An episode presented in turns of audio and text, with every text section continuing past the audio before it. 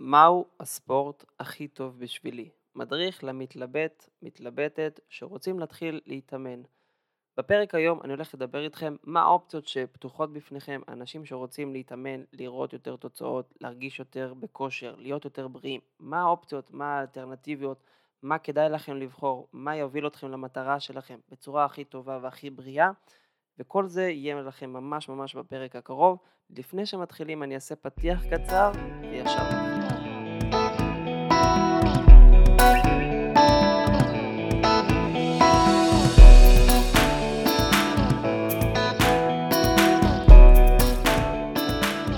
שלום וברוכים הבאים לפודקאסט בריאות להמונים, הפודקאסט שמנגיש לכם מידע על כושר, תזונה ואימונים. אני ישראל דיין, מאמן כושר אישי מהעיר בני ברק, ואני היוצר והמנחה של הפודקאסט הזה. אז כמו שאמרתי בכותרת, הפרק הזה זה המדריך למתלבט, למתלבטת. Uh, הרבה פעמים מתאמנים, uh, מתעניינים יותר נכון, לא, הם עדיין לא מתאמנים, מתקשרים אליי לטלפון ואומרים לי, תקשיב, ראיתי שיש לך סטודיו לאימונים אישיים, לאימוני כושר, תגיד לי, מה זה בדיוק אימוני כושר? Uh, מה זה, זה מכון כושר, זה, זה, כל מיני שאלות כאלו, ותמיד אני עוצר אותם ואומר לו, תקשיב, קודם כל תספר לי מה המטרות שלך, מה אתה רוצה להשיג, ואני אגיד לכם אם זה מתאים. וזה מה שאני רוצה לעשות גם לכם פה בפרק הזה. בואו שנייה אחת נעצור שנייה אחת את ההקשבה לפרק ונשאל מה אתם רוצים להשיג. יכול להיות שאתם כבר מתאמנים במכון כושר, יכול להיות שאתם, לא יודע, שוחים, רצים, אבל אתם בכלל רוצים להשיג מטרה שלא קשורה לספורט שאתם עושים ואתם די הולכים לבזבז לעצמכם את הזמן ולהתעצבן.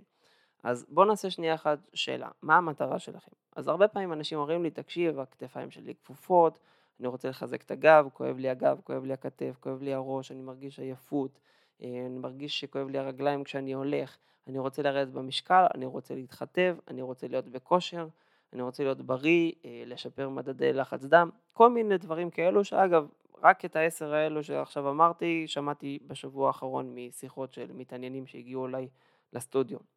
אז כל הדברים האלו יכולים להשתפר גם בריצה וגם בשחייה וגם ביוגה וגם בפילאטיס וגם ב-TRX וגם באימוני כוח. אז מה עדיף, לאיפה ללכת, לאיפה כדאי. אז בואו נראה קודם כל מה היום יש לנו. אני אמנה עכשיו כמה ספורט שפופולרי אה, היום אצלנו פה במרחבים שאתם רואים בקאנטרי, במכוני כושר, בחוץ, שאתם רואים כל מיני חוגים, ואחרי זה אני אפרט כל אחד מה רלוונטיות לחיים שלנו, למטרות שלנו.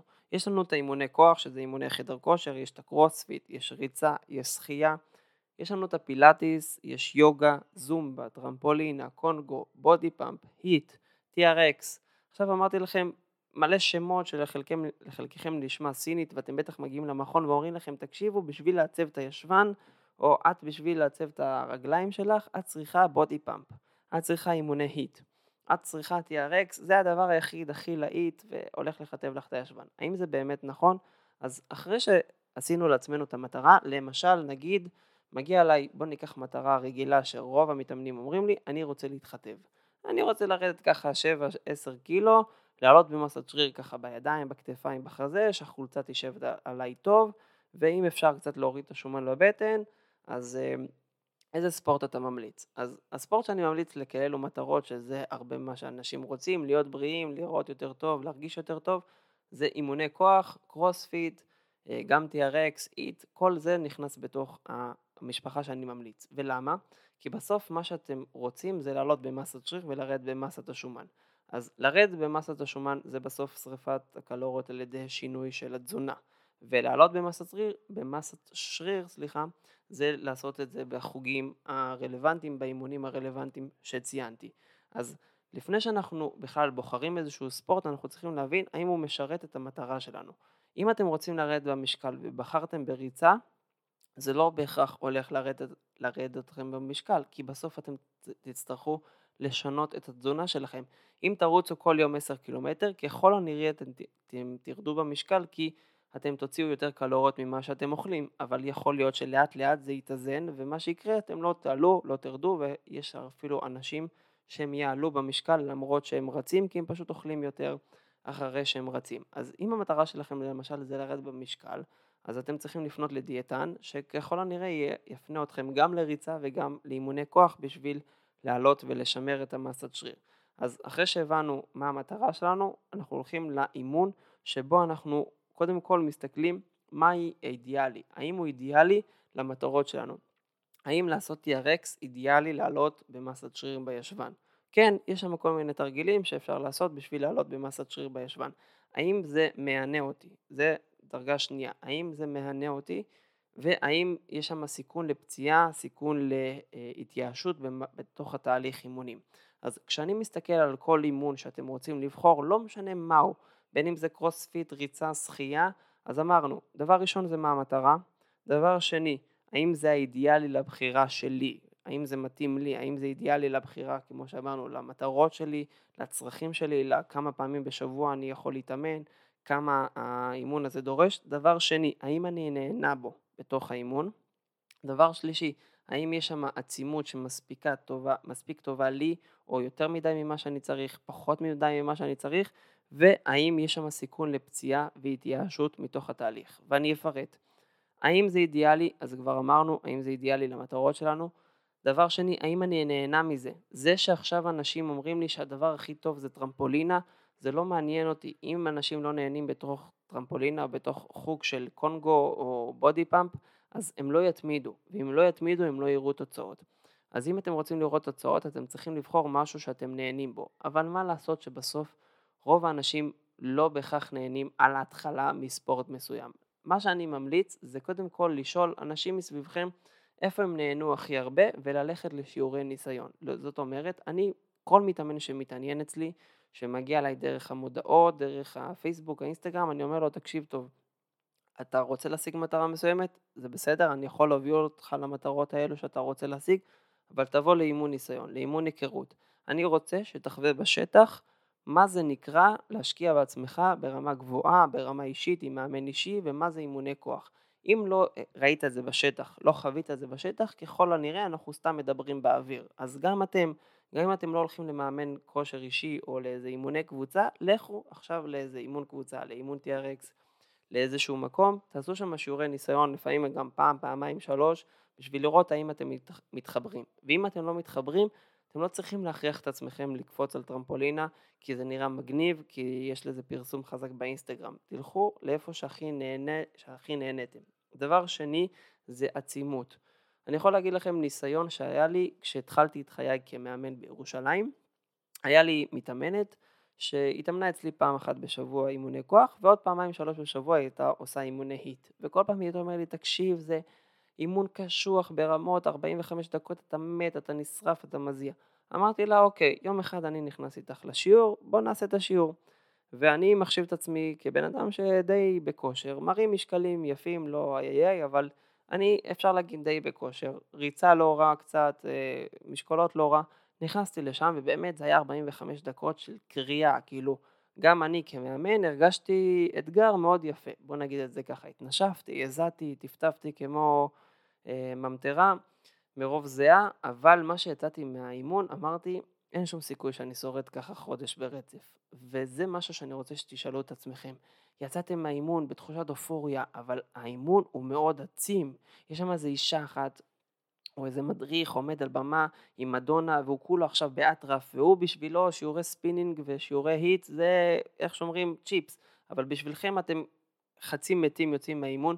כמה פעמים בשבוע אתם תצליחו לשרוד את הדבר הזה? עכשיו, למה אני שואל את זה? כי הרבה פעמים יהיה תקופות שלא יבוא עליכם עכשיו לעשות 100% באימונים. לא בא לכם עכשיו אימון מטורף, בא לכם אימון רגוע, בקליל, לסמן וי על האימון. אתם יודעים כמה פעמים מתאמנים מגיעים אליי לסטודיו, וכבר מהבוקר טוב שהבן אדם אומר לי, אני כבר יודע שהבן אדם לא מוכן היום לאימון של 100%, ואז אני שואל אותו מה קורה.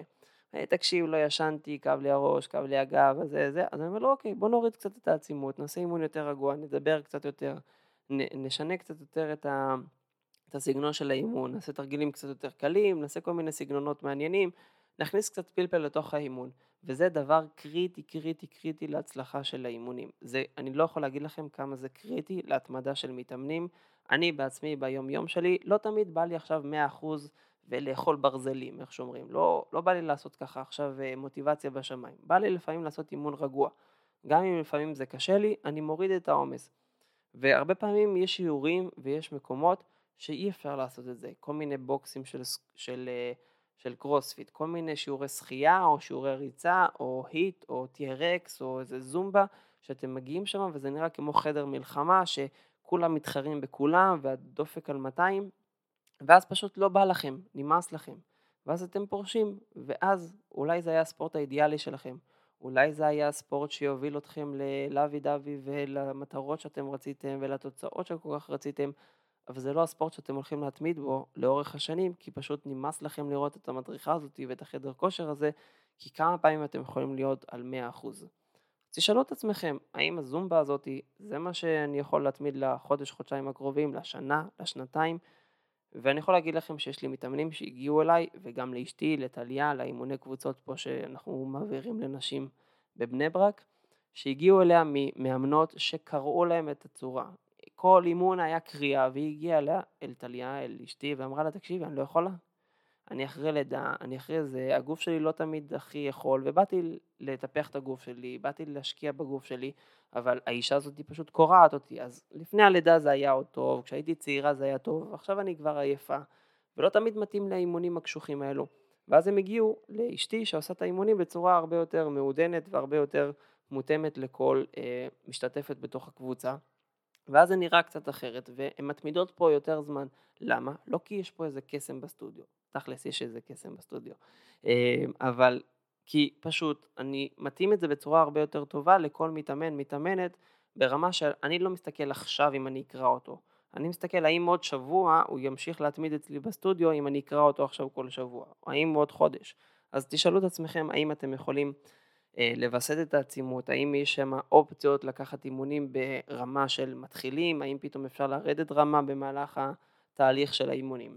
וה, והנקודה האחרונה והכי הכי חשובה גם חשובה, לא הכי חשובה, סליחה, הכי חשוב זה הנאה והעצימות, אבל מאוד חשוב זה סיכון לפציעה והתייאשות. כמו שאמרתי, את הסיכון להתייאשות בגלל העצימות זה מאוד קריטי, וגם הסיכון לפציעה. ראיתי הרבה אנשים שהלכו לקרוספיט והלכו לריצה, ובוא נגיד שלא סיימו את זה עם הרבה איברים שלמים, או עם, הר, עם הרבה איברים עם אה, אה, פחות דלקות. זאת אומרת, חבר'ה שסיימו קרוספיט עם דלקות בשורש כף היד, דלקות בכתפיים.